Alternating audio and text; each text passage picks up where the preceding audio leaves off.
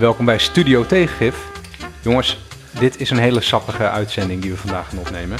Ascher en Rutte 3 vallen. Wat nu? En nu? Wat volgt nu? Wat was het? Ik ben de precieze titel ben ik even kwijt. eh. Wat nu?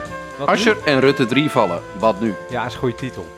Is een goede titel. Mooi, alle kanten mee op. Spannend, ik ben zo benieuwd. ik, wil, ik wil eerst even... ehm, ik wil eerst even vragen welke, welke aflevering wij eigenlijk zijn, Wouter. Aflevering 66. eh. Ongelooflijk. Ja. Wat, een, wat, een schitterend, eh, wat een schitterend nummer. hey, ik ga meteen even door.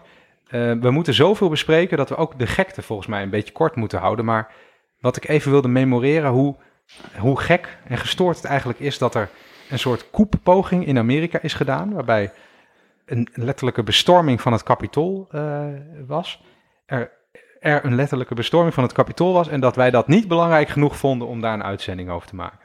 Je vertelt niet het hele verhaal. Het was een bestorming van het Capitool. eh, zeg maar eh, opgeruid door de president van de Verenigde Ja, ik denk dat Staten. mensen het wel meegekregen hebben. Dus het is nog veel gekker. Dat was wel maar- echt gekte. Ja, echt gekte. totaal gestoord. Ik heb wel tot, tot, eh, tot laat het nieuws zitten volgen. Want ik dacht echt, op dit moment is gewoon de Verenigde Staten van Amerika is gewoon totaal van zijn troon aan het vallen. Gewoon geopolitiek. eh, denken, denken gewoon heel veel landen in de wereld nu van, het is klaar met Amerika. We moeten ons op China gaan richten. Dit komt nooit meer goed. Dus een soort, soort de, de, de Amerikanen die daar, vooral die man met die, die hoorntjes, dat was ook weer, met die hoorntjes en dat, dat pak aan, die QAnon eh die, shaman. Ja, de Ja. shaman. Ja, precies. Ja, ja, ja. Die, die dat ik echt dacht van, wat is dit? En Die kwam overal in, in beeld. Dat was zeg maar nu het toonbeeld van de Amerikaan. Nou, zeg maar, de, de andere miljarden mensen in de wereld, toen die dat zagen, toen dachten ze van, weet je wat, we gaan ons nu op China richten. Weet je, ik, weet je wat ik dacht? Ik dacht, dit is echt gekte, want die vent inderdaad, die, en al die lui die daar liepen. Amerika is entertainment geworden voor de rest van de wereld. En dat is alles wat er over is. Gewoon, ze mogen gek doen, raar doen en laten zien dat een groot gedeelte van hun bevolking gek is geworden. En de rest van de wereld kijkt ernaar op Twitter, op Instagram, op TikTok en op televisie. Dat is het. Het is gewoon, dat is het enige wat er over is. Entertainment. Politiek is entertainment, macht is entertainment. Slaan elkaar de hersens in. Entertainment. Ja, ik ben, kijk, weet je, ehm, die foto's van die shaman en zo, Ja. die, zag er ook, die zag er ook echt film, filmtechnisch zag die er ook gewoon uit zoals je in een film zou verwachten. Hè? Ja, precies. Dus het was echt eh, ontzettend eh, interessant. Maar er was natuurlijk wel meer aan de hand eh, dan dit. Maar het deed mij ook wel een beetje denken aan het einde van de, van de Romeinse Republiek. Eh, en dat was zeker nog niet het einde van het eh, Romeinse Rijk, want dat begon toen eh, pas net. Dus dit soort grote landen die behoorlijk eh, veel kracht nog hebben, ondanks hun verwarde staat. Ja, je moet ze niet meteen uitgummen hoor. Daar kan, er kan allemaal nog heel wat gebeuren.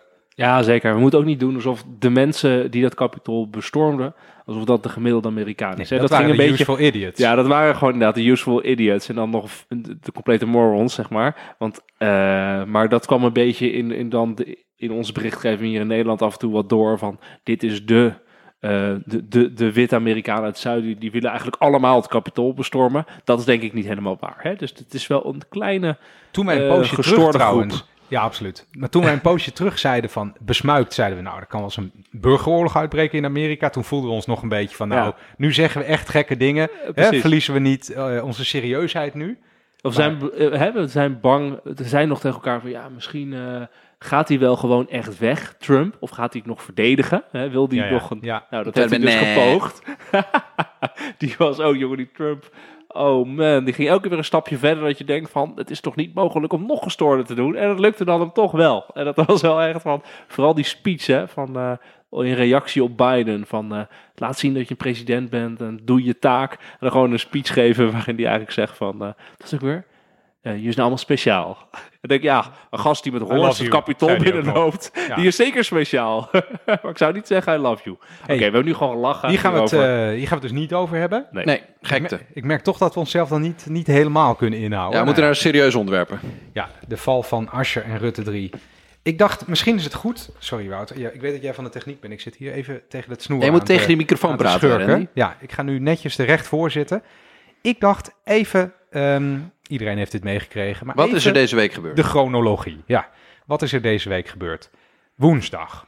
Eh, de Partij van de Arbeidleden stemmen over een motie van wantrouwen. In een, en niet in een, in een digitale setting of zo, maar in een soort eh, digitaal portaaltje Eh, daar komen we nog wel op. Donderdag. Wat, wat, even, wat, wat is een motie van wantrouwen? Gewoon, dus de PvdA had Nou, een... een of ander PvdA-lid, Francisca Drijver of zo. Gewoon, gewoon iemand, geen prominent, gewoon iemand. Die heeft een motie van wantrouwen tegen Asscher ingediend. En dan bij de PvdA werkt het zo, dat is allemaal eh, ontzettend democratisch eh, van binnen. Dat er dan gewoon eh, over gestemd wordt. Als honderd mensen zeggen deze motie moet in stemming worden gebracht. Nou, dat heb je natuurlijk zo voor elkaar. Maakt eigenlijk niet uit wat je, wat je verzint. Dus die motie die is er dan opeens. En dan sta je dus officieel ter discussie. Dus daar is woensdag over gestemd. Oké, Over een motie van wantrouwen en een motie van steun hè, van partijprominenten. Die ook Ja, ik wil het ook daar wil ik het zo ook wel even over hebben. Want dat is toch ook wel interessant. het verhaal gaat door. Eh, dat was woensdag. Donderdag. Asscher gaat weg. Nou, eh, het liep niet goed af met die moties. vroeg toch? Een uurtje of 9, 10. Ja. Filmpje op Facebook. Ja, want eh, woensdag om vijf uur eh, hield dat stemmen op. Dus achter de schermen wist men toen de uitslag. Eh, donderdagochtend, Asscher neemt een filmpje op. Eh, goed filmpje trouwens wel. Sterk filmpje. Heel sterk. Hij gaat ja. weg. Wat was de uitslag? De uitslag was, je had er dus twee moties. Eh, motie van wantrouwen, 33% wilde Asscher weg. Maar er was ook een motie van steun. En de motie van steun was net een andere uitslag. Namelijk maar 60% steunde Asscher. Dus dat vond hij niet genoeg, blijkbaar. Eh, Dat was de reden dat Asher 's ochtends een Facebook filmpje opnam buiten de kou. Weet je wat ik doe? Ik maak even dat chronologietje Ja, af, want dit is super interessant inderdaad. Ik merk het ook bij mezelf. Ehm, dat was donderdag, Asscher weg. Vrijdag, kabinet weg. Dus het gaat allemaal rete hard eh, nu. Die hebben van 9 tot 12 's ochtends vergaderd. En toen stapten ze naar buiten, wij gaan weg. Eh, of we gaan niet echt weg, maar we treden, we treden af. Eh, toen kwam de persconferentie van Rutte. Toch een van de meer interessante persconferenties van God mag weten hoe lang. Kunnen we het ook nog even over hebben. En de dag werd afgemaakt met een Kamerbrief hoe deze toeslagenaffaire kwestie dan vervolgd zou moeten worden. Nou, dat is het chronologietje. Toen was daar het weekend. Ja, dat moet nog, eh, dat moet nog beginnen, inderdaad. Wij zitten nu op vrijdag. Dus eh, we hebben het be- beperkt kunnen laten bezinken. Maar ik denk dat we een aantal, eh, toch een aantal nuttige dingen hierover kunnen zeggen al. Ehm, ja, laten we anders gewoon even nu die week langs gaan lopen. Nou, dus de woensdagavond. ehm, nou, dus dit is nog een intern PvdA-dingetje. Die zouden volgens mij dit weekend een partijcongres hebben. Ehm, en ja, ik, ik zit er niet zo diep in. Ehm, maar jij vertelde dat er dus een online platform was waarop ze moties aan het indienen waren. En daar eh, ontstond trammeland. Wat gebeurde er precies? Nou ja, dus die ene motie van mevrouw Drijver die was ingediend. En vervolgens is het initiatief eh, genomen om een steunmotie eh, in te dienen voor Asscher. En ik heb, daar ook, eh, ik heb dat uiteindelijk ook ondertekend, want er, is, er zijn weinig luisteraars die nog niet door hadden dat ik inmiddels weer een, een PvdA-rol heb. Ehm, maar daar heb ik ook goed over nagedacht en die heb ik ondertekend, omdat ik ook toch echt wel weer zat werd van die Partij van de Arbeid cultuur, waarbij eh, de leider geofferd moest worden. Want ik ervaarde echt een totaal déjà vu aan eh, 2017. En ook aan een paar jaar daarvoor. Want eh, voor de luisteraar, Cohen moest vroegtijdig weg. Eh, daarna moest Samson vroegtijdig weg. En nu moet Asscher vroegtijdig weg. Eh, en als jij, die jij was ook die, met die biografie van Rutte bezig, hè, geloof ik. Ja, die ben Ja. ik aan het lezen. Heb ik geleend van Wiemar. Die heeft hem ook gelezen volgens mij. Ja, ik ben er ook Zeker. mee bezig. Nou ja, Rutte heeft ook echt wel een paar keer een moment gehad dat zijn politieke leven aan een zijde draadje hing. Maar weet je, grote, grote leiders en ook de grote namen uit het verleden op links, die, die komen niet zomaar aanlopen. Dus dat zijn ook mensen die een bepaald, die, die de leerjaren doormaken en die dieptepunten overleven. Eh, en bij de Partij van de Arbeid is nu een cultuurtje ontstaan dat als je eh, een fout hebt gemaakt, heeft Asscher heeft zeker een fout gemaakt eh, rond die toeslagenaffaire, ja, dan word je meteen gekild. Dan is het klaar met je. En dan gaat het altijd over termen waar je niet tegen kan zijn. Hè? Ja, geloofwaardigheid en wij staan toch voor wat anders. Ja, natuurlijk staan wij voor wat anders. Eh, maar ja, eh, dat is fout gegaan. Dus, eh, maar als je steeds mensen blijft killen, Nou, bij de, bij de VVD grappen ze wel eens bij, dat ze de PvdA niet altijd zelf hoeven te bestrijden. Want dat doen, doet de PvdA zelf wel. ja, nou ja, absoluut. Die maakt Ja, ik zichzelf wel vond het kapot. echt schrijnend wat hier gebeurde. Namelijk eh, om een aantal dingen. Namelijk, ten eerste vind ik het echt onbegrijpelijk dat je een stemming over de vertrouwen in je politiek leider, dat je dat even doet op een achternamiddag in een digitaal portaaltje, Ja, precies. omdat discussie. zoveel leden een motie hebben gesteund. Dat vind ik zeer, zeer onverstandig, onbegrijpelijk. Ik snap ook niet dat dat gebeurd is, dat het toegelaten is. Want ik vind dat een partijleider zich dan vervolgens moet kunnen verdedigen tegen de, eh, tegen de leden. En daar ook een, eh, dat ook de tijd voor genomen moet worden. Ik vind dat heel, heel onverstandig. Ik vind trouwens ook heel onverstandig dat die eh, motie maar partijprominenten er kwam, de steunmotie. Dat, dat dan ben je alleen maar het vuurtje nog meer aan het opjagen van hé, er zijn leden die hun, leider weg willen hebben. Zijn partijprominenten die hem steunen. En vervolgens komt er een nieuwsuur-uitzending over. Je bent alleen maar gedoe aan het creëren. Daarvoor heb ik ook eh, niet dat, eh, gesteund. Maar ik vind het echt super onverstandig dat je het op deze manier doet. Plus, ja, je kan niet op zo'n manier je leider wegsturen. En de wijze zo dat gewoon, zeg maar, eh, even staatsrechtelijk. Op het moment dat er zoiets gebeurt, ik weet niet of het goede woord is trouwens, als zoiets gebeurt, is een toeslagenaffaire. En hebben eh, ministers zo'n grote fout gemaakt. Het is helemaal fout gegaan. Dan moet het kabinet aftreden. Dan moeten de bewinds, dat is de hoe het gaat. De bewindspersonen, Ja. het kabinet, de, het ambt van de minister eh, van Sociale Zaken en de staatssecretaris van Financiën, die moeten aftreden. En dan ga je niet een individu slachtofferen. Want wat er dus nu gebeurt, is dat dus het kabinet is afgetreden, maar die personen gaan allemaal wel gewoon door als lijsttrekker. Ja. Rutte gaat door als lijsttrekker. Hoekstra gaat door als eh, lijsttrekker. K gaat door als lijsttrekker. En meneer Ascher is weggestuurd door zijn eh, eigen leden. Onbegrijpelijk, omdat hij één, gewoon de allerbeste lijsttrekker is die we hadden. Eh, twee, het niet hoort. Drie, op een hele, hele, vind ik dus slechte manier. Een beetje via een digitaal portaal. Eh, met een enorme eh rel die ook nog een keer wordt opgestookt door, door prominenten. Dus ik, eh, ik ben hier echt... en ik dacht alleen maar... Dit is weer hoe dat gaat binnen de Partij van de Arbeid. Die zichzelf helemaal kapot maakt. Twee maanden voor de verkiezingen. Ik vond het heel terug om te Ik ben het helemaal eens met wat jij zegt. Van, je had als, als partijbestuur of als partijvoorzitter had je nooit moeten toestaan dat je in een of ander, in een of ander digitaal portaaltje zonder discussie over zoiets essentieels eh, stemt. Dan moet je ook organiseren dat als iemands positie ter discussie komt te staan, dan kan dat zo zijn. Hè? Dat, dan wordt dat ook een feit op een gegeven moment. Maar dan moet je ook iemand in de gelegenheid stellen om een weerwoord te geven. eh, en om dan een afgewogen eh, beslissing te maken. En ik, over die steunmotie ben ik ook met je eens. Ik heb ook. Ik, zit in een paradoxale situatie dat ik hem uiteindelijk heb gesteund. Maar daarvoor heb ik intern gezegd. Je moet niet een steunmotie doen, want je creëert een tweede vertrouwensstemming. Dus Ja. je hebt al een vertrouwensstemming, namelijk die motie van wantrouwen. En als je een steunmotie doet, dat staat misschien naar de buitenwereld wel eh, goed in de zin van: hé, hey, we, we laten niet iemand zomaar even vallen. Hè, iemand waar we zo eh, in geïnvesteerd hebben, waar we zo lang mee werken, die laten we niet zomaar vallen. Eh, maar doe dan een soort statement uit waarin je dat zegt. Want de drempel om niet voor, ik zeg het bewust Ja. zo, de drempel om niet voor een steunmotie te stemmen, die is natuurlijk lager dan de drempel om voor een motie van wantrouwen te stemmen. Dat zag je ook terug in de stemmingsuitslag. Dat Dus- was ook precies. Ja, dus je ziet 33% was precies wat er stemt gebeurde. voor de drijvermotie om dus tegen, hè, dus de motie van wantrouwen te steunen. En er is 60% die de motie voorsteunt. Het is makkelijker om een motie dan voor dan maar niet te steunen te zeggen blank. ja, en wat er dus. Precies, eh, dat, moet is wat er gebeurt. En, ik, en dan nogmaals, en je creëert ook nog een soort woest eromheen. Een soort eh nou, een mediastorm van eh, een lid, wat leden die tegen zijn en prominenten Ja, ja. die voor zijn. Een nieuwsuur-uitzending. Ik vind eh, dat is gewoon heel strategisch onverstandig, volgens mij. En ik weet, gebeurt. niet, ik weet niet waarom bijvoorbeeld. Ja, wat jij zegt. En ik snap trouwens helemaal. wel dat je het als partijprominent, want jij bent nu als voorzitter een partijprominent van de, van de afdeling Den Haag, dat je hem wijst- uiteindelijk wie maar moet nu steunen. naar Randy. Ja. Ja. dus ik snap dat je het uiteindelijk moet steunen. Nou, toen hij er eenmaal lag, ik heb Ja. geageerd tegen eh, dat er zo'n motie zou komen, maar toen Ja. hij er eenmaal lag, eh, ja, dan heb je maar één keuze, wel of niet eh, steunen. Dus toen heb ik hem gesteund.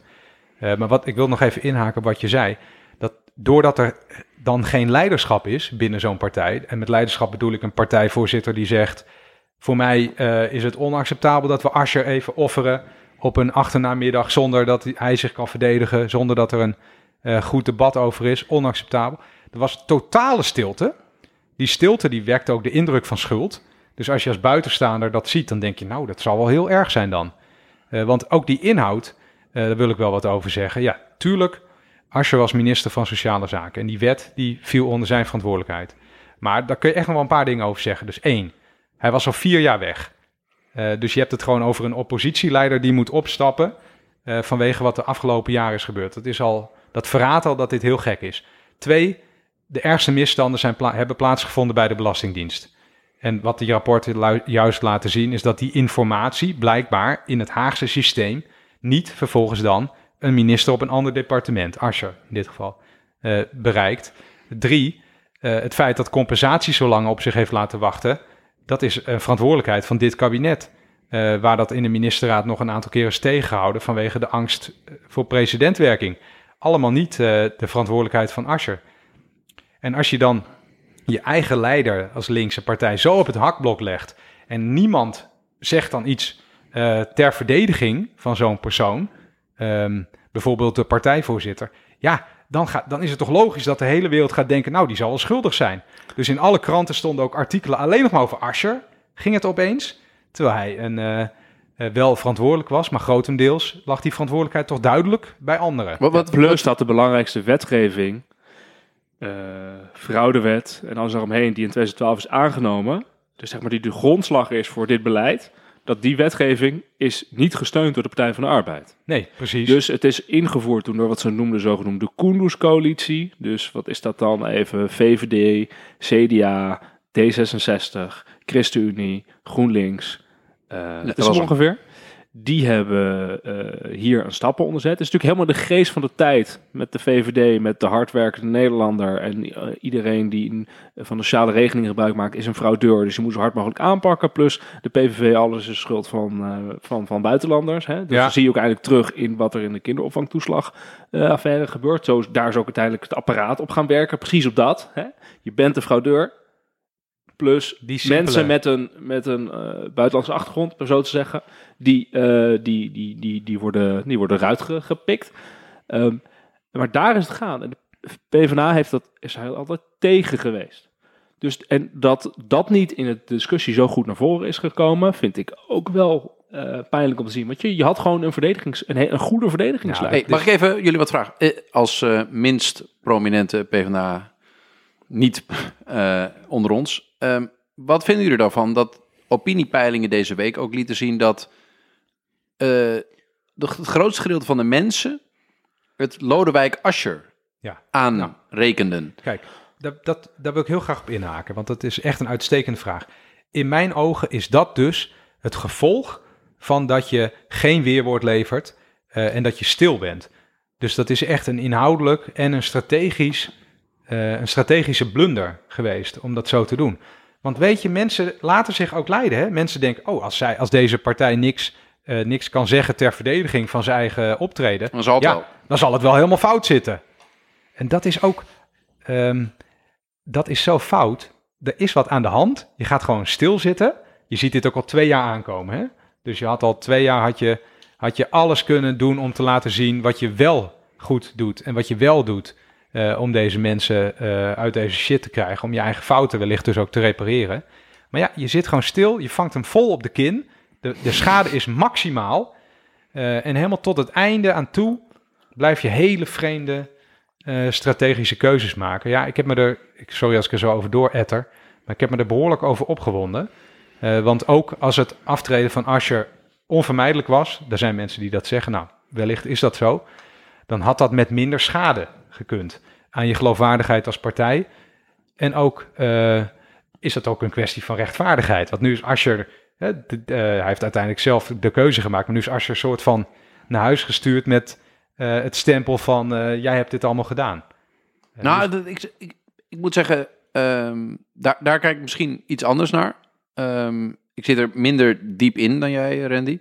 Ehm, want de donderdagavond was er een, een, een even uitzending van Jinek waar ik naar zat te kijken. Toen waren er wel allemaal partijprominenten opgedraafd. Toen zat eh, Ronald Plasterk daar en eh hoe heet ze, Gerdy Verbeet en eh, Hans Spekman. En toen was het... Toen was hij al weg, hè? de, de, de- wat- zeg je dan? De, keizer is weg, dus leven de keizer. Of de koning is dood, leven de koning. Ja, het was een soort over de doden niets dan goed. Ja, het was echt, hij was, wat was hij toch goed? Wat was hij toch fantastisch? Ja. Ehm, Doe, En- dat dan, doe dat dan even van tevoren, zou ik eh, maar ook wa- wel wat, zeggen. wat mijn gut feeling ook zei, vooraf al, was... Het is heel lastig als je een partij bent die zegt op te komen voor de kwetsbare mensen in de samenleving, die strijdt voor bestaanszekerheid, om dan mede verantwoordelijk geweest te zijn voor de grootste wijze waarop de overheid de bestaanszekerheid van 20.000 mensen kapot gemaakt heeft in de afgelopen, weet ik veel, 20, 30 jaar. Ja. Dat is dat, dan, nee, maar, maar laat me even praten. Dan ben je als leider van de zogenaamde, de, de, de wens, de partij die de wens heeft om de linkse oppositie te zijn, ben je gewoon niet geloofwaardig. En eh, ik denk dat ze dat het een strategisch logische zet is om dan te zeggen: Oké, ik ben als persoon niet belangrijker dan het ideaal dat ik dien. Ik ben een instrument. En als ik als instrument niet meer effectief kan zijn, doordat de mensen die ik zou moeten helpen in hun bestaanszekerheid mij niet meer vertrouwen om dat te gaan doen, omdat ik verantwoordelijk ben geweest voor ellende, dan moet ik aan de kant gaan. Ik ben nog steeds, ik bedoel het echt goed, ik heb het hart op de juiste plaats. Um, maar iemand anders moet het nu gaan doen en die moet nu beuken tegen de lui die nu achter de knoppen zitten. Um, omdat dit gewoon niet door de beugel kan. Dus er moet nu keihard op de regering ingehakt worden. Dat, die move begreep ik best. En, en zo keek ik keek daar naar dat, dat filmpje van Asher uh, donderdagochtend. dacht, ja, ja ik, ik, ik zie hier eigenlijk best wel perspectief in. Omdat hij nu een opening biedt voor progressieve partijen om samen te zeggen van dit is bedacht in Rutte 1, 2010 tot 2012. Ja. Dit is eigenlijk het, de uitkomst van tien jaar lang het wantrouwen van mensen die in de knel zitten in onze maatschappij. Het complexer maken van onze verzorgingsstaat. Het complexer maken van de manier om je hoofd boven water te houden als je het al lastig hebt. Die mensen zijn we met het, een complexe overheid gaan pakken. En dat is niet waar wij voor staan. Dus hebben we iemand nodig die daar volop in kan beuken. En als je zegt, ik sta, doe even een pasje aan de kant. En die persoon mag nu, weet ik wel wie, wie het dan ook is, mag opstaan. En die mag keihard erin gaan tegen de partijen die dit beleid tien jaar lang gesteund hebben. En vooral Rutte die dit tien jaar lang gesteund heeft. Het is onmiskenbaar een strategisch voordeel dat je nu een leider hebt die hier... Uh, die schoon is. Weet, we weten nog niet wie het wordt, hè? Maar die hier waarschijnlijk helemaal niks mee te maken heeft. Tuurlijk, uh, dat heeft een voor, voordeel. Maar waar ik dan tegen ageer is een cultuur waarin je steeds je leider offert. Uh, omdat je denkt dat dat, uh, dat dat dan iets beter is. Want zoals ik aan het begin zei, het is voor de derde keer gebeurd. En waarom ik het uiteindelijk, ik heb daar echt ook wel diep over nagedacht. Uh, waarom ik uiteindelijk vond dat ook het te rechtvaardig is als hij bleef zitten, is om twee dingen in essentie. Omdat um, wat fout is gegaan bij Ascher is ondanks zijn visie op sociale rechtvaardigheid gebeurd. En uh, als je het hebt over Rutte en Wiebes bijvoorbeeld, is het dankzij hun visie op sociale rechtvaardigheid ja, was gebeurd. Het was de bedoeling, uiteindelijk. Hè? Niet dat het zoveel gedoe zou veroorzaken, maar het was de bedoeling. En ik denk ook Zullen dat... we treuren of opheffen? Zo, ja, we treuren ja. En ik denk dat je kan zeggen dat, uh, dat Ascher toen de tijd wellicht niet goed genoeg heeft opgelet, maar wel... Um, naar geweten heeft gehandeld. Dus niet doelbewust uh, deze mensen kapot heeft gemaakt. Ja, dat is dus falen. Hij heeft gefaald. Um, maar dat is in zichzelf niet een reden om meteen een einde aan uh, iemands aanwezigheid in de politiek te maken. Um, maar zullen we een uh, stap verder zetten voordat we ja, het hier ja, te lang over hebben? Kijk, ik kan me zo voorstellen dat uh, uiteindelijk is de kindertoeslagaffaire is een uitkomst van beleid wat onder uh, Rutte 1 is ingezet, onder Rutte 2 heeft doorgezet en Rutte 3 is er over gevallen. Dus ik kan me zo voorstellen dat iemand hier wat mee te maken zou kunnen hebben, de heer Rutte is. Joh. dus, je, had er, niks, had er niks mee te maken als je de persconferentie van vandaag keek. Nou, daar wil ik eens even heen. Dus wil je, even, je was met je chronologie bezig. Dus ik geef het woord weer aan jou. Jij hebt de, de persconferentie vandaag uh, bekeken, uh, dus vrijdagmiddag, waarin dus Rutte het aankondigt dat hij het ontslag heeft aangeboden van het kabinet Rutte 3 aan de koning. Uh, en daarbij ook verteld dat wegens persoonlijke, uit persoonlijke overwegingen, hè, dat uh, Wiebes, dus uh, ja, ja, in het vorige ja, kabinet de staatssecretaris van Financiën, dat hij dus uiteindelijk ook is op afgetreden, wat in die zin begrijpelijk is. Hè, als je zegt van Ascher was verantwoordelijk als sociale zaken minister, dan is het ook logisch dat de, de staatssecretaris van de tijd van Financiën, Wiebes, dat hij ook uh, uh, aftreedt. En, jij, jij, en het, het mooiste was natuurlijk, uh, even als toch van hoe analyseer je zo'n persconferentie, dat jij heel duidelijk hebt gezien hoe Rutte zo'n persconferentie dan vervolgens nou, doet. dat was fascinerend. Ja, ja absoluut. Ik kan ook iedereen aanraden om dat gewoon... Zullen, in... zullen we even het eerste stukje? Of, Ja, ja, laten we dat ja. doen. Goedemiddag. Een van mijn uh, verre voorgangers als minister-president, Pieter Kort van der Linden, schreef ooit over de taak van de overheid. De staat dringt de overmoedigen terug, beschermt de zwakken, verdeelt de risico's en stelt zich in het haastige drang aan allen tot gids. Dat is een hoge norm. En het is duidelijk dat de overheid in het kinderopvangtoeslagdossier niet aan die norm heeft voldaan. De rechtsstaat moet burgers beschermen tegen een almachtige overheid. En dat is hier op een verschrikkelijke manier misgegaan. Ja, dit, maar dit is heel interessant. Want um, onbedoeld, hij geeft hier dus een opzomming van wat de bedoeling is van de overheid. Dus, hè, dus een van zijn illustere voortgangers, de laatste liberale premier voor Rutte, 100 jaar geleden of zo, 2000, of, hè, 1919, uh, die zei dit over de rol van de overheid. Uh, maar Rutte, die krijgt later ook nog een vraag. Wat is, dan, uh, de, hè, wat is dan de rol van de overheid? En dan zegt hij, iets heel anders. En dan kun je daaraan aflezen hoe, hoe het liberalisme van Rutte wellicht een beetje gedegenereerd is sinds toen. Hij zegt namelijk, de overheid heeft twee taken, zorgen dat wij veilig zijn en zorgen dat de economie draait. Punt. Dus dat vond ik zo frappant. Dus hij begint met een heel erg opzichtig uitgezocht, hoog intellectualistisch citaat van Kort van der Linden. En dan moet hij het zelf later zeggen. Want het, het vragendeel van een persconferentie is het Wat vindt u echt? deel. Wat vindt u echt? Ja, en dan zegt hij dus iets heel simplistisch juist. Maar over, even over die persconferentie als geheel. Wat hem dus zo interessant maakt. Je ziet hier het politieke genie van Rutte. Wat mensen wel steeds meer door beginnen te hebben. Namelijk, hij probeert zichzelf hier als staatman te presenteren. Op de rug van het grootste uh, staatsrechtelijke falen in uh, tijden. In elk geval. In ieder geval onder zijn uh, verantwoordelijkheid. En het lukt hem. Het lukt hem ook nog wel, soort van. Want hij zegt dan ook nog bij alles en dat zie je dan ook in de vragen. Hij zegt, ja, maar ik ben daar, helemaal, ik ben daar niet verantwoordelijk voor geweest. Maar ja, het is nu helemaal zo belangrijk dat wij met, met het kabinet nu gaan aftreden. Maar ik, ik heb er niks mee te maken gehad. Nee, ik, hij zegt eigenlijk van, uh, van, ik ben de staatsman, ik ben de voorzitter van de ministerraad. En nu moet ik, omdat de hele ministerraad heeft gezegd, wij moeten aftreden, ga ik het ontslag uh, ja, aanbieden. Ja, en hij zegt ook van, er zijn hogere normen waar de overheid zich aan moet houden. En het is niet gelukt. Het is niet gelukt om de overheid te...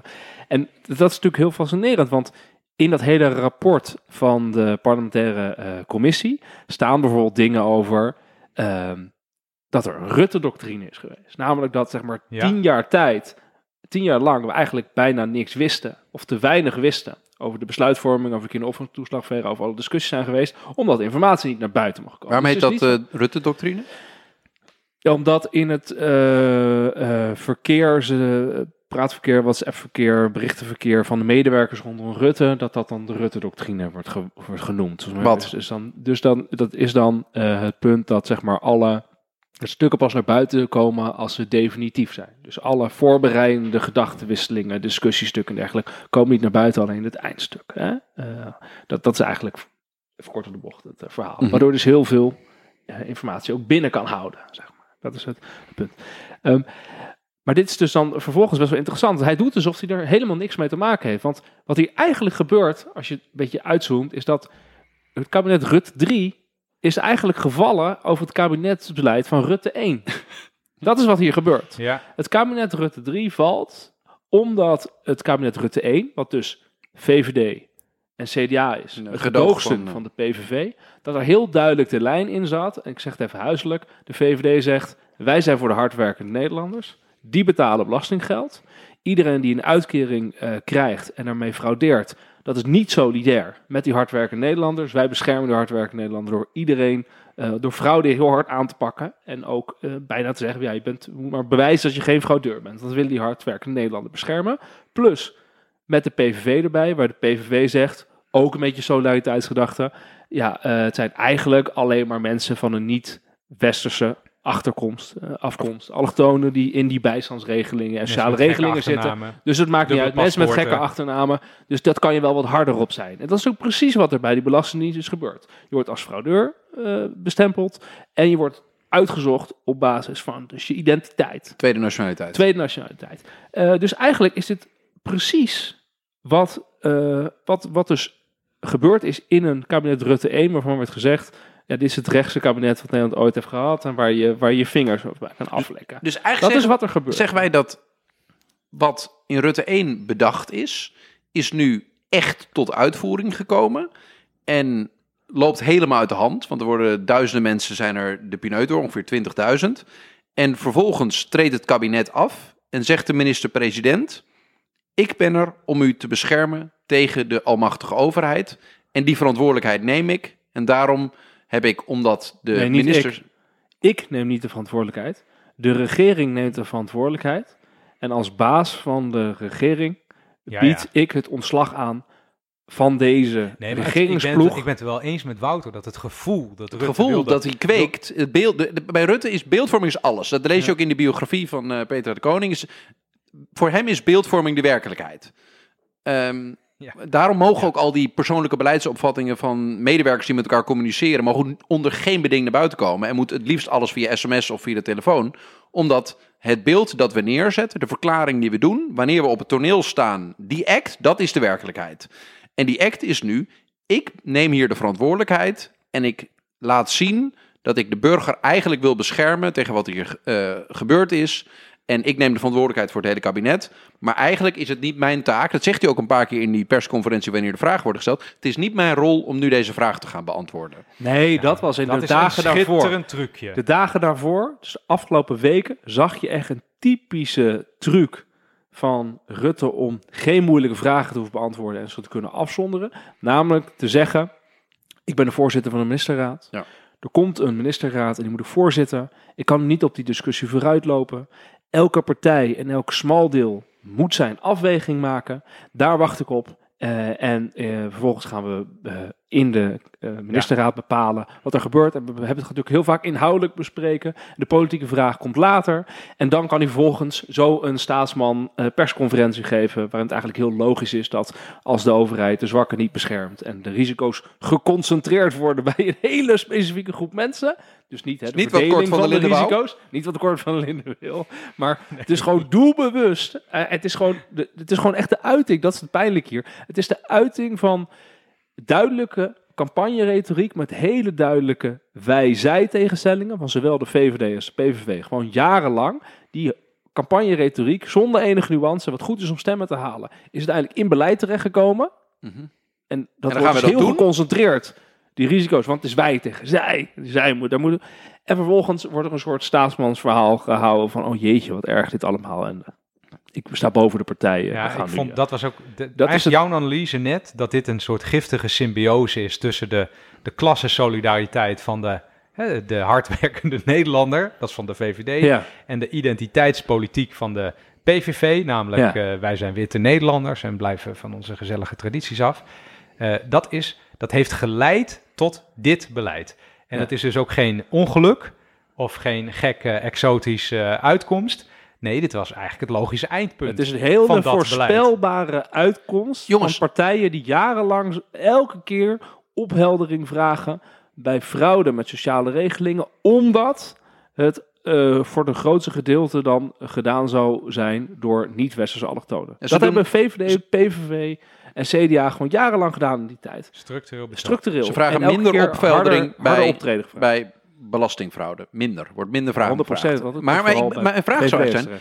Ehm, denken jullie dat Mark Rutte, in zijn biografie lees je dat hij dat in zijn hoogste doel ongeveer is om de langzittende premier van Nederland te worden, Ja, zijn enige bij doel. zichzelf ook wel eens gedacht heeft, jemig, verhip, ik kijk even in de achteruitkijkspiegel. Dit is eigenlijk ook de uitkomst van het verhaal dat ik jarenlang verteld heb. Dus het focussen op een kleine overheid, een pragmatische overheid, geen visie hebben. Als u niet hardwerkend bent en u fraudeert, dan straffen we u. Ehm, en voor de rest heeft u van de overheid niks te verwachten, want wij bieden een economie die vrij is en verder de groeten. Ja, ik vraag me dus ernstig Denken jullie dat hij in de achteruitkijkspiegel kijkt en denkt, verhip, dit is, ik bijt mezelf in de staart. Ik denk het niet, want ik Ik denk, denk dat, het dat, dat het in de politiek eh, dat dat sowieso pijnlijk is. Omdat het, als je dat in de politiek doet, dan eh, heb je daar vooral nadeel van. Want nou ja, bijvoorbeeld eh, Pieter Omzicht is een van de Kamerleden die hier heel hard achteraan gezeten heeft. Dat er heel eh, duidelijk op fraude moest, harde fraude moest worden opgetreden.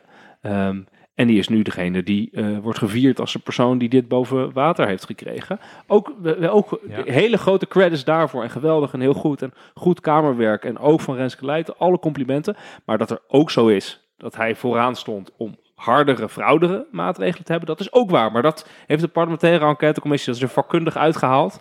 Die heeft, had de par- parlementaire onderzoekscommissie mocht daar niet naar kijken. Nee, maar dat is Dus ook... je moet niet terugkijken als politicus. Kijk, ik bedoel, de enige politicus die de afgelopen weken in het openbaar uit eigen beweging heeft teruggekeken en excuses heeft aangeboden, Die zit nu thuis. is Lodewijk Asscher. Die zit nu thuis. Dat is wat hier aan de hand is. Daar ben je niet En dat is heel cynisch. eh, maar dat is blijkbaar hebben dus eh, in ieder geval, eh, in ieder geval hebben Rutte en, Mark, en eh, Pieter Omzicht hebben ja. dat door. Ik denk... Net als Hoekstra, want Hoekstra Twee- hebben we ook nergens gezien hè, de Twee- afgelopen ik weken. zo- Ik Gaan had, bij- over ik had, bij- ik had bijna de politie. Ik had bijna de politie gebeld. Ja, Ja, dat is een vermissingsgeval hadden. Eh, Omdat eh Bob Hoekstra niet te vinden Nobody was. knows. Waar is, waar is, eh, waar is minister van Financiën? Waar is Hoekstra? die- Misschien moeten we Lieselot even bellen of het allemaal goed gaat. De afgelopen maanden had hij de godganse tijd Ivonie over de vloer. En zat hij bij eh, wat dan ook, bij, eh, bij, bij Ja, ja, Linda ja. op de stoep, weet ik veel. dit is, weet je, een van de... eh, en dit is een, ik ga weer een hele cynische opmerking maken, sorry. Lekker Randy. Een van de blijvende gevolgen van deze cri- crisis is dat er straks geen politicus in Nederland is die nog zijn excuses als eerste gaat aanbieden over iets. En ze gaan allemaal doen wat Hoekstra nu doet. Gewoon verdwijnen, voor geen enkele camera verschijnen, eh, nergens zeggen wat je bedoelt. Want het- de mediadynamiek is, als jij als eerste zegt van... hé, hey, dit heb ik eigenlijk toch niet helemaal goed gedaan... dan ben jij daarna de enige hoofdschuldige... en dan is het verhaaltje rond en dan wordt de zaak gesloten. Randy, luister, dan, dan is eigenlijk, de, want wij, wij maken net in het eerste begin van, het begin van ons gesprek, hebben we het over eh Asscher die opstapt en wat daar de, de redenen van zijn. En dan schetsen we toch echt wel een, een beeld dat niet, laten we zeggen, hoopgevend is over het apparaat eh, dat eh, de linkerkant van de partij heeft. Maar aan de andere kant schetsen we nu een beeld van politici die verantwoordelijkheid nemen of eerlijk zijn en daarvoor keihard worden afgestrapt. Voor de kiezer die een geheugen heeft van een goudvis en eigenlijk meer een soort voetbalsupporter is die als de boel verliest eh, de spelers willen aanvallen. En eh, als ze aan het winnen zijn, dan eh, zijn ze bier aan het drinken en dan was het hun ploeg. Ja. en, maar dat, de, de uitkomst is, hebben we dan nog goede mensen die het in hun hoofd gaan halen om volksvertegenwoordiger te worden? Dus mensen die echt verstand van zaken hebben en het hart op de juiste plaats hebben, die denken, ik ga in die arena stappen, ik ga die, die, die punches van mijn eigen achterban die de hele dag mes in mijn rug Tuurlijk, steken, tuurlijk is opvangen? Dat, nee, ik Ga- ben gaan mensen dat nog doen? Over, want eh, bijvoorbeeld de Kamerleden waar we het net over hebben, Pieter Omzicht, Renske Leijten, eh, zijn hartstikke goede Kamerleden, goede mensen met hart, een goede plek, die echt wat beters willen met Nederland. Dus die mensen die, die zijn er en gelukkig. Mhm. Eh, er zit de Kamer vol mee en alle ministeries en alle provincies en gemeentes. Dat is, dat is er. Alleen het punt gaat over wat Randy zegt. Je gaat dus niet meer publiekelijk je excuses aanbieden. En je gaat dus ook niet publiekelijk eh, je standpunt innemen, want dat ziet er zwak uit. En dan word je dus je wordt en geassocieerd met een heel negatief geval, en je wordt gelijk als zwak neergezet. Ik vond het dus Mhm. heel tekenend, want we hebben het net over gehad hoe Asscher eh, zijn, zijn eh, moves Ik maakte. vind dat het allemaal competente mensen zijn. Trouwens, kletskoek. Dat, Ik zei nergens competente mensen. je zei dat het allemaal Goed, goede goed, mensen. goed bedoelende... Ja, oh, goed bedoelende. Goed bedoelende, dat is ja, ja, anders. Ja, ja. Even voor de duidelijkheid. Ja, ik heb er wel over nagedacht. Ja. Het- Mijn hond maar gaat ook wel eens tennissen. Wat er maar ja. bijvoorbeeld, wat, wat, eh, wat Rutte deed, was heel wat anders. Kijk, Rutte zei vorige week nog, toen er een peiling was gedaan, dat de Nederlander vond eh, dat het kabinet wel kon blijven zitten. Toen heeft Rutte nog gezegd, ik vind dat het kabinet door mag, kan gaan. Ja, ja. Dat was nog in het Ja. nieuws. Ja, Ja. zeker. Zeker, hè? Dus hij heeft dat gezegd. Vervolgens heeft hij nergens excuses aangeboden of gezegd: dit is, eh, er, er moet wat gebeuren, er moet een daad worden gesteld wegens de eh, affaire. Hebben ze gewacht. Wat vindt het D66-smaldeel van Kaag? Ja, wat slim was vindt dat. ChristenUnie? Ehm, wat vindt CDA? En vervolgens in zijn verhaal op de persconferentie dus geweest. Wij hebben unaniem in gezamenlijkheid besloten dat, het, dat dit zo groot is dat het kabinet niet door kan. En als staatsman bied ik nu eh, het ontslag aan van het kabinet. Want het Ja. kan niet anders, want de overheid moet de zwakkeren beschermen. En dat is hier fout gegaan. Dat is hoe, hoe, hoe, die, hoe het nu gespeeld is. Hè? Dus hij, hij heeft een heel ander soort move eh, gemaakt. door elke keer ze heel technisch op te stellen. Vanaf het moment dat hij zag, er is eh, dus de steun is aan het afbrokkelen. Gewoon, ik ben de voorzitter dat is van de ook het ministerraad. genie van Rutte. Rutte steekt altijd eerst even zijn voetje in het water om te voelen hoe, zit, hoe wat is de temperatuur, wat gebeurt hier, Ja, ja. voordat Ja. hij iets gaat doen. Altijd is dat de move. En, en ik wil nog twee dingen aan toevoegen die hij heel goed heeft eh, bedacht. Erik Wiebes stapt wel op. Dat is nu het nieuws. En er werd heel vaak in die persconferentie benadrukt dat dat op een persoonlijke keuze was. Erik Wiebes heeft daar zelf voor gekozen. Nou, dat werd zo vaak gezegd dat je eigenlijk wist dat het niet waar was, Nou, hè? ja, precies. Als iets zes keer benoemd wordt dat het echt een persoonlijke keuze is. Persoonlijke, het was in principe al volgens mij drie, vier maanden geleden bekend dat Erik Wiebes niet door wilde. Maar hiermee laat Rutte ook nog eens zien. Wij maken als VVD ook echt een geste. Degene die echt aan de knoppen zat toen dit gebeurde, als staatssecretaris van Financiën Erik Wiebes, die stapt op. Dus de echte verantwoordelijke, daar zijn wij ook bereid toe, die stappen op. Maar ik, ik ben de staatsman. En ik ga de burger in de toekomst beschermen tegen deze overheid. Dus u kunt u met een gerust hart op mij stemmen. Dat is Ja. briljant gedaan. En nog, even, nog één ding aan toevoegen. Dat wat nog de, de, de laatste briljante move is. Dinsdag zou er een eh, Kamerdebat zijn over deze toeslagaffaire. Zou dus de Tweede Kamer de kans krijgen die ze eigenlijk volgens onze rechtsstaat zouden moeten hebben. Want de, het kabinet moet verantwoording afleggen aan de volksvertegenwoordiging Ja. over wat ze allemaal aan het doen zijn. Dat gaat nu niet door. En dan zouden ze gefileerd worden. De, echte, de messen werden geslepen. Sorry, maar dat laat En die krijgen zien- nu een brief. Dat is mooi. Die, die hebben een brief gekregen. Die is, dat is het einde van de, onze chronologie. Die brief kwam aan het eind van, eh, na de, de persconferentie is die gestuurd. Ehm, en daar mag de Kamer dat mee doen. Zo, ik moest even lachen, want toch briljant? Ja, sorry, ik moest even lachen, omdat ehm, jij zei net Zeg van, als je PvdA-leider bent, dan is de kans heel groot dat je geslachtofferd wordt. Maar er is 100% één, er blijkbaar. is één Ja. positie waarvan het nog veel gevaarlijker is om het te worden, want je weet dat je geslachtofferd wordt. Dat is namelijk bewindspersoon van de VVD in een Rutte. Rutte-kabinet. Ja, ja, ja. dan weet je gewoon, je wordt op, je wordt voor de bus gegooid eh, op het moment dat het nodig is om de positie van Rutte te beschermen. Dat is wat je hier de hele Nou, dat- tijd dat, ziet. Dat klopt, dat is met 100% van de bewindspersonen gebeurd. Rutte is ook de enige van de ploeg waar ze mee begonnen, die nog over is. Ehm, ik vond dat van Wiebes ook heel interessant. Dus nadat Rutte was uitgesproken van eh, ik ben een staatsman, ik ben een staatsman, maar ik duik wel weg voor dit debat. dus dat, was, dat is ongelooflijk huiverachtig natuurlijk. Eh, hè, oh, het staatsrecht, oh, dat is zo belangrijk. Ja, maar zo'n staatsman. Ik doen. ga naar de Tweede... Oh nee, ik ga helemaal niet naar de Kamer. Nee. Kijk maar. Nee, ik stuur u een eh, lange brief met allemaal te- on- onbegrijpelijk technocratisch eh, jargon. 25 kantjes ook, hè? Eh, maar goed, Wiebes. Wiebes die werd dus naar voren geschoven nadat Rutte klaar was.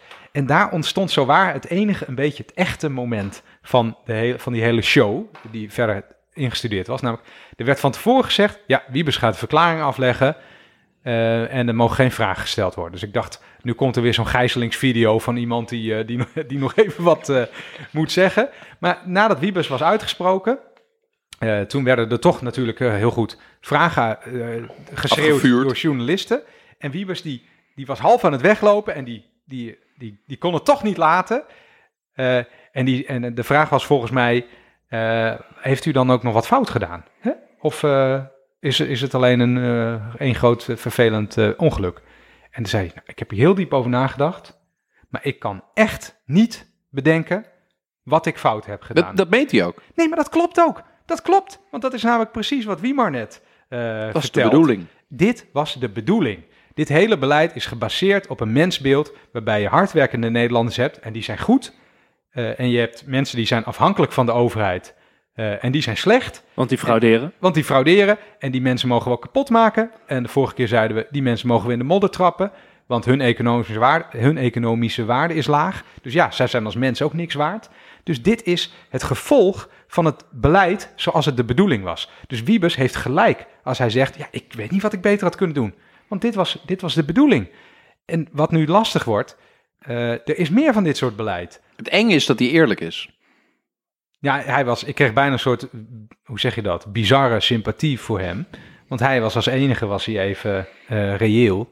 Want inderdaad, eh, wat, had hij, wat had hij nou anders moeten doen? Hij heeft gewoon Ja, ik moet eerlijk zeggen dat ik bij, bij Wiebes... eh, ik, heb daar wel, ik heb daar niet zo'n negatief gevoel over als, als jij. Ik bedoel, hij heeft wel fout gemaakt, maar die, ik heb wel echt het gevoel dat die man er dus met volledig eer en geweten in zit. En, en dat niet, gewoon niet goed heeft gedaan, maar dat hij het ook wel weet. Ehm, nou, ik, ik heb daar een... eh, Ja, ik heb is mijn ik- gevoel ik- dat ik net ook een soort van iets zo, hetzelfde zei. Ja, nee, nee, nee. ehm, Maar we hoeven het En niet, niet per dat het dit zijn bedoeling was, maar oké. Nee, ik vind dat eh, voor, voor jullie progressieve en, en mij progressieve jongetjes is het natuurlijk moeilijk te begrijpen dat het in dit geval denk ik echt bij, eh, bij Erik Wiebes. Het was ook prachtig. Hij heeft ook een keer een zomergast gezeten. En dan, dan zit je een avond Oh, lang te ook, kijken. eh, pure cringe. en dan zie je een soort, ja, een, iemand die een consultant is. Niemand kent die niet gestudeerd heeft. eh, alleen maar mensen kent die ondernemer zijn en economische groei als Cool. de religie zien. Die hebben we al een tijdje niet gehoord. Economische groei. Economische Van groei. Wouter. Dat is, dat is, ja, ik zeg al, ja, li- linkse mensen die, eh, die het mooiste in de linkse mensen in de wereld Volgens is Rutte is, eh, wereldvrede. is daar de overheid voor, hè? Dat is 50% Economische groei. van de taak van de overheid. De andere is veiligheid. Ik, ik- ik geloof dus oprecht dat Erik Wiebes ook integer is in dat Ja. hij stelt dat hij kiezers heeft laten stemmen op, op een, het idee dat de overheid er niet moet zijn. En dat hij de overheid zoveel mogelijk weg heeft gehouden. En waar de overheid er was, heeft hij mensen die daar misbruik van zouden kunnen maken of aan het maken waren, goed hard gepakt. Dus is Nee, goed. Kijk, ik, ik, eh, ik, ik wil me even verdedigen tegen wat jullie nu beiden zeggen. Namelijk, ik ben het daar mee eens in de zin dat Wiebes heeft gewoon gedaan wat de bedoeling was.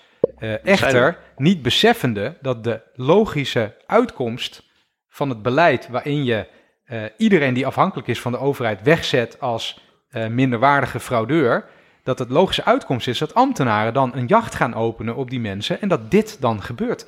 Want die fraude, eh, jij zei dat net geloof ik al, die fraude die is, als je naar de feiten kijkt, onzin.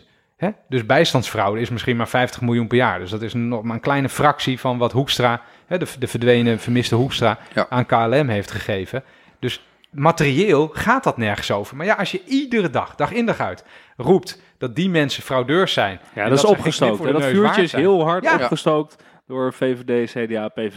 Dat. Als je een toeslag krijgt, ben je eigenlijk al verdacht. Ja. En dat is het hele ombouwen, waarbij dus de overheid ehm, de complexiteit van de verzorgingstijd eh, staat niet bij de overheid legt. Dus de, de complexiteit van alle regelingen die we hebben om mensen die pech hebben of niet, weet ik veel, eh, in welke situatie dan ook zetten. Die complexiteit wordt bij de burger gelegd. In de vorm van, u moet een financiële regeling aanvragen, u heeft een informatieplicht, u moet allerlei zaken eh, regelen, waardoor dus de complexiteit bij de burger ligt en niet, u eh, zit in een bepaalde situatie, u krijgt het sowieso. Dus het gedachtegoed is, mensen die bij vadertje staat aan moeten kloppen, daar leggen we de complexiteit neer van het krijgen van die Klopt, zaken die ze daarom nodig is het hebben. nu zo dat ongeveer 10% van de mensen die recht heeft op een toeslag, dus Vraag- inkomensondersteuning, vragen Durven het ze niet niet. aan. Durven ze niet, want die snappen het niet, durven niet, zijn bang voor terugvorderingen. Maar zullen we dan nu even nog eh, naar de positieve gevolgen van dit hele gebeuren gaan eh, kijken?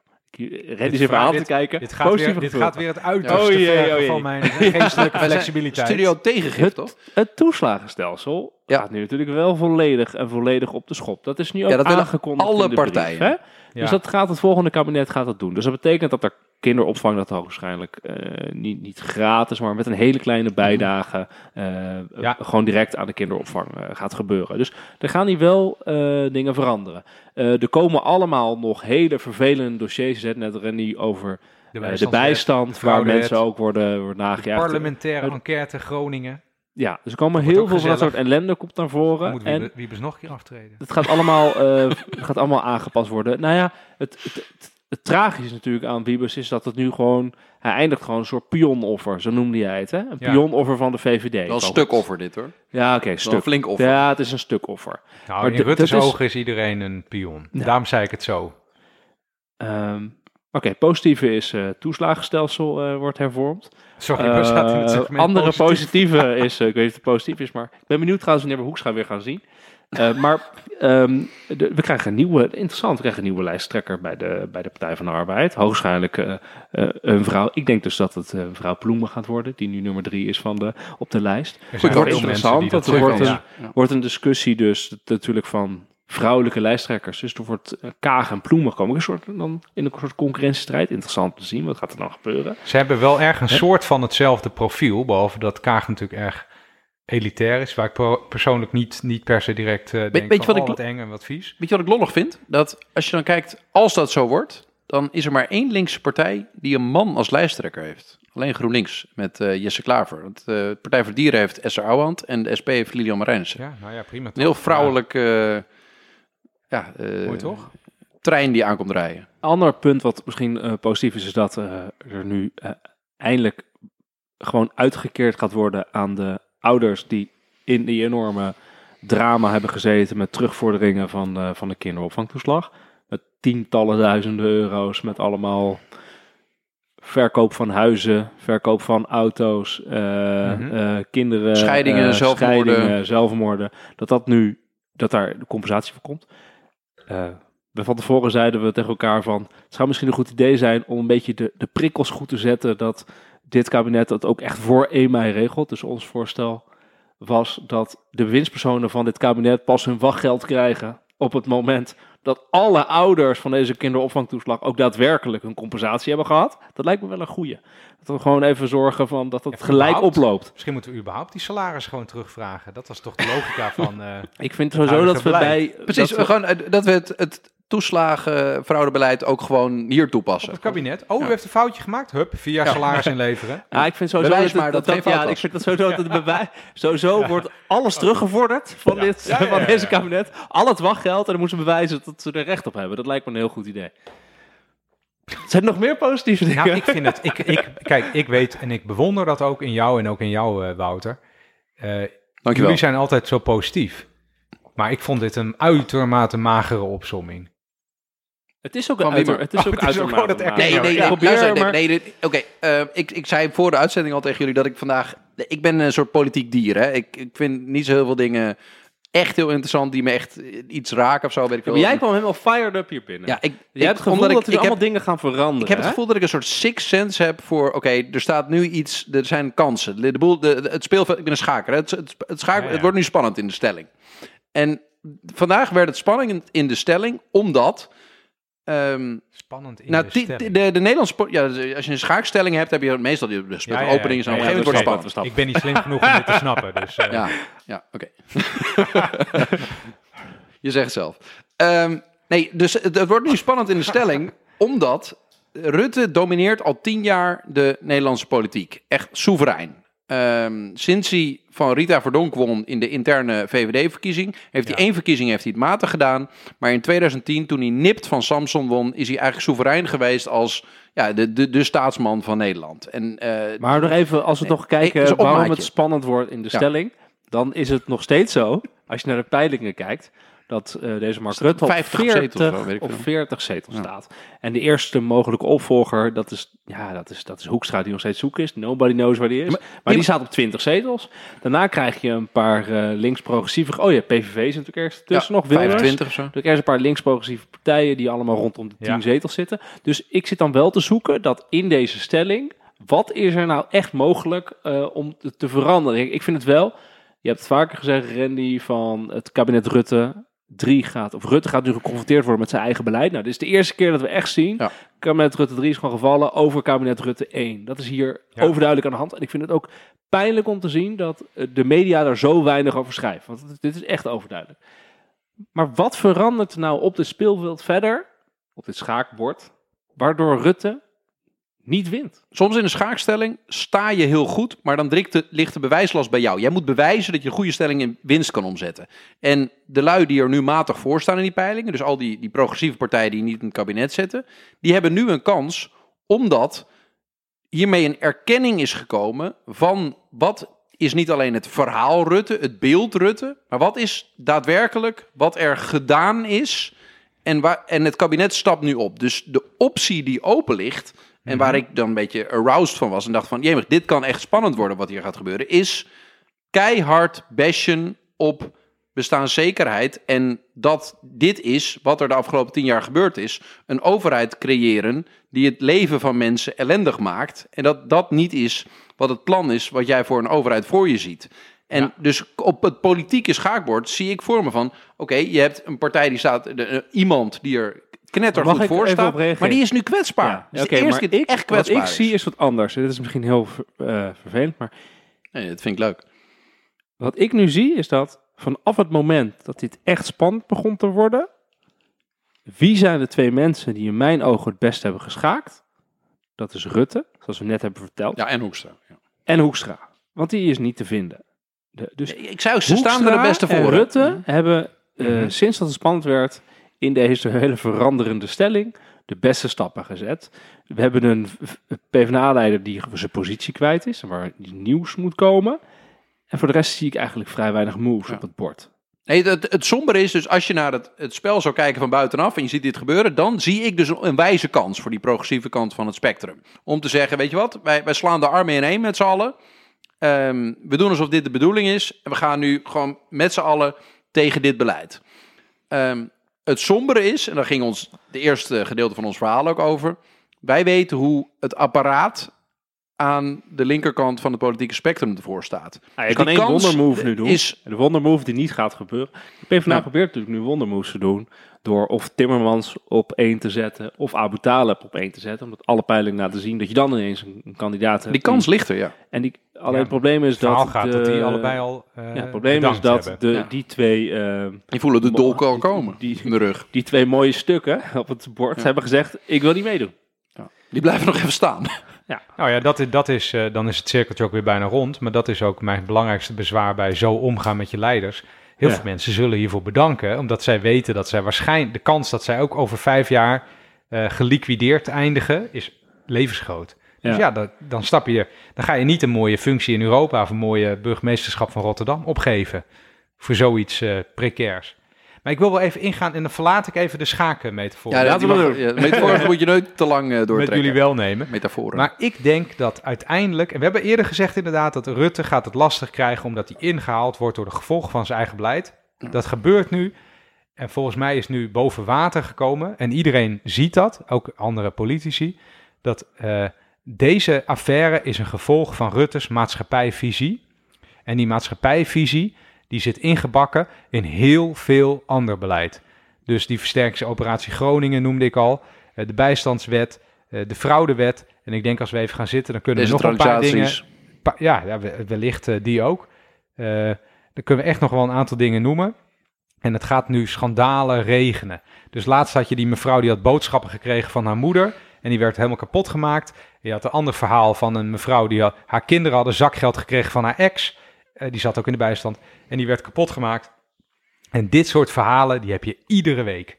Eh, en tot nu toe zijn die op een of andere manier onder het oppervlakte gebleven. Maar nu iedereen heeft het door. Dit is Rutte's open flank. Het, Ja. het, het systematische wantrouwen en neerkijken op iedereen, en dat zijn best wel veel mensen, de tientallen procent van mensen die afhankelijk zijn gemaakt van de overheid, want dat is de essentie van het toeslagenstelsel. Hè, dus in plaats van dat je gewoon genoeg verdient om zelf je kinderopvang te betalen, eh, is dat zo duur gemaakt en is jouw salaris gedrukt waardoor je een toeslag moet krijgen. Eh, en dit is Rutte's open flank. En nou zijn de verkiezingen al over twee weken, of Is- over twee maanden, Is pardon. dit een positief verhaal of een eh cynisch verhaal? Ja, cynisch verhaal weer. Oké. Lekker. We wilden wij Nou ja, gelachen voor, links kan dat, voor links kan dat positief zijn, maar ik denk, je zei het net al Wouter, links is, staat er organisatorisch zo zwak op dat er echt wel een wonderkandidaat moet komen, omdat dat nog wat wil worden. Maar dat is het pijnlijke, dat je dus elke keer met een eh, wonderkandidaat moet komen om de positie te redden. Dat is eigenlijk wat er gebeurt. Ja. Hè, dus de- ik heb het nu vooral over het Partij van de Arbeid. Eh, plus vervolgens dat je in een soort eh, neerwaartse spiraal terechtkomt, omdat je elke keer maar je, je koningin offert, om even in de termen Ja, te blijven. ja. Dus je, je... Kan je maar één keer doen, hè? Ja, dus je, je, je, grootste st- schaakstuk ben je elke keer aan het, aan het offeren. Ja. Eh, terwijl eigenlijk het toch over de vraag gaat, staan je andere stukken wel goed? Hè? Dus, dus is je organisatie wel goed? Ja. Dat, is, en dat is wel pijnlijk om te zien. Want inderdaad, uiteindelijk eh, willen nog steeds minder mensen koningin Nou, dat worden. is, dat is Ja. als het goed om deze, te toch blijven. nog één keer, ik maakte het net met voor belachelijk, maar nog één keer toch in de schaakmetafoor, dat de Partij van Arbeid, toch de enige partij op links die ook af en toe eh, regeert, de Partij van Arbeid schaakt alleen met zijn koningin. Ja. En eh, alle andere stukken, die staan in een, in een passieve positie. Nou, die zijn meestal gewoon ruzie met elkaar maken. Die zijn niet De- de- ontwikkeld. De, de Partij van de Arbeid is aan het schaken met zijn eigen stukken tegen de tegenstander. Maar in plaats van met de tegenstander te schaken, dus te proberen met de witte stukken de zwarte stukken te overpakken, zijn de eigen stukken elkaar aan het kapot maken. Dat is wat er aan de hand is. De Partij van de Arbeid is niet in staat, eh, in ieder geval de- deze periode, nou, de zie je in ieder geval wat er nu gebeurd is, die zichzelf aan het kapot maken, waardoor je niet meer in staat bent om het gevecht met andere partijen gaan. Ik ben dus, ik ben, nog even, nog Weg van die zeggen. metafoor. Die, we kappen nu met die metafoor, maar ik was ook bezig eh, met, met partijen bellen, hè? Zo'n Ja. discussiestuk. Oh ja, maken. Oh, ChristenUnie. En ik had ook met jou gewandeld, Wouter. Jingle, Dus Randy dat, loopt stage. dat was, dat was, eh, dat was, ja, maar ik ga Ja, waarom vergeten? Ik Ja. vertel daar later wel even in detail over. Maar ik dacht op een gegeven moment, wij waren aan het wandelen en wij kwamen al pratend ook wel tot het idee van, wat is nou uiteindelijk het doel van het hebben en het zijn van een politieke partij? En dat is in mijn ogen het verwerven van politieke macht om politieke ideeën om te zetten in daadwerkelijke maatschappijverandering. En links is dat doel een beetje uit het oog verloren. En dat zie je ook bij deze discussie rond Ascher. Ehm, het ging uiteindelijk weer meer om: hebben we gelijk? Zijn we schoon? Ja. Eh, zijn we moreel zuiver? Daar ging het meer om dan de vraag: eh, leidt het wel of niet offeren van Ascher nou uiteindelijk tot het in meer of mindere mate realiseren van onze politieke ideeën? Daar gaat het, daar gaat het te beperkt over. Dus ik denk dat je kan heel veel dingen verbeteren aan links. En daar komen we nog een keertje over te spreken. Maar het begint met weer omarmen dat een politieke partij uiteindelijk als doel heeft om politieke macht te verwerven. En het klinkt heel vaak vies aan links. eh, aan, eh, aan de linkerkant wordt dat als vies gezien. Ja, maar dat, dat, dat is ook zo, het doel zo ervan? stupide. En dat alle CDA'ers en VVD'ers die lachen zich ook helemaal krom. Dat ze dus aan de linkerkant van het spectrum gewoon niet snappen dat in essentie politiek om macht draait. Politiek is zelfs de manier waarop macht in de maatschappij wordt georganiseerd. En aan de linkerkant is het, ja, maar we hadden toch gelijk en we zijn toch zuiver en we zijn toch eerlijk, en we zijn lief voor iedereen geweest. Wie maar die kijkt heel vies. eh, Ja, dat de- omdat ik... Ja, sorry, Ja? ik zit enorm te... Weet je, te, dit is echt een hele foute opmerking. Ja. Namelijk, we hadden het over schaakstukken. En nou, over zwart weer een wit. voor? ja, joh. dat is een beetje alsof de, alsof de linkse partijen denken... Zijn we allemaal wel echt wit? Of zijn we allemaal echt zwart? In ja. plaats van, hé, hey, we moeten het gevecht aangaan. Moet, die Nou, metafoor wordt echt Zijn we wel waar. echt zuiver? Nou, iedereen, iedereen die wel eens een discussie op een eh, Partij van de Arbeid-congres heeft meegemaakt, weet dat het inderdaad dan gebeurt dat, dat mensen een beetje tegen elkaar gaan zeggen: Ja, maar wat jij zegt, dat is niet links. Dat is niet links. Ja. Hoor je eigenlijk wel bij deze partij? ja. Het is vaak een soort beauty contest. Daarom is de term eh, gewoon deugneuzen, die rechtse mensen wel eens voor, voor linkse mensen hebben, of van de, Slaat- de dat deugers. stiekem wel ergens Dat, op. ja. dat klopt gewoon. Dat klopt. En als die deugneuzen alleen maar een wedstrijdje deugen met elkaar gaan houden, dan staan ze aan de rechterkant van het spectrum te lachen. En dan denken ze, ja, mooi zo. Wij snappen wel hoe macht, macht werkt. Wij gaan een effectief apparaat organiseren met een campagne waarmee we winnen. Nou, we gaan zijn weer, binnen. We hebben weer positief afgesloten. Ja, nee, maar ik, we zouden- nee, nee, nee, ik, ik, wil, ik had nog een positief dingetje. Namelijk, ehm, Nou, daar komt het maar, eh, de, is een groot eh, INO Research eh, rapport geweest van onze vriend van de podcast, Peter Kannen. Die we, waar, we graag mee, graag mee, waar we graag stukken van lezen. Maar wat blijkt nu, wat, wat best positief is, is dat zeker op iets wat wij heel belangrijk vinden, het sociaal-economische spectrum, zijn eigenlijk alle partijen, ook de partijen die nu in het kabinet zitten dat aftreden, zijn heel erg naar links opgeschoven ehm, in de verkiezingsprogramma's die ze nu hebben opgesteld. Dus in de aanloop naar de verkiezingen op 17 maart, of wanneer ze maar zullen wezen, ehm, heel veel partijen willen eigenlijk een ja, socialer beleid ten opzichte van in ieder geval de economische eh, factoren die onze maatschappij inrichten. En ja, als wij dan toch een beetje zeggen, wij zijn een beetje progressieve jongens en we hebben niet zoveel vertrouwen aan het, in het apparaat aan de linkerkant, dan kunnen we best blij zijn dat dan de partijen die wel goed zijn in machtspolitiek en dingen voor elkaar boksen, dat die gewoon zeggen van ja, oké jongens, misschien hebben we ons een beetje vergist, wij worden ook wel gewoon wat linkser. Dat is mooi toch? We moeten dus blij zijn dat er Ja. een soort zelfreflectie is. Ja, de lui de die het wel kunnen, politiek, die gaan het fixen. We zijn een beetje te ver doorgeschoten. Misschien moeten we daar weer even een stukje naar links. Dat is eigenlijk wat Ja. je zegt. Ja, Is nou, ik weet niet of dit een positieve afsluiting is. toch mooi. Ja, ik, nou ja, vind het, maar ik vond het gewoon een mooi betoogje en het eindigde ook gewoon mooi op zijn plaats. Dus eh, ik zeg, we kappen er nu mee. We kappen ermee. En trouwens gaan we het de volgende keer hebben over dat onderzoek van Peter Kannen van INO. Ja. Weten de luisteraars het al? Gaan we het volgende keer over hebben. Ja, Ja. Peter Kannen. Gaan we weer eh, over babbelen. Leuk. Zonder hem dit keer, hè? Toch? En met wat quotes. Ja, we hebben met Oh, hem je hebt met hem gebeld. gebeld. Ik heb met hem gebeld vandaag. En we gaan de volgende keer met hem... eh, met wat eh, inside information van Peter gaan we het hebben over INO Research eh, Leuk. onderzoeken. Weet je, Over dan zeg ik eh, bedankt voor het luisteren. En de volgende wordt hartstikke leuk, dus hou het in de gaten. De volgende wordt wel. Tot ziens. Bedankt.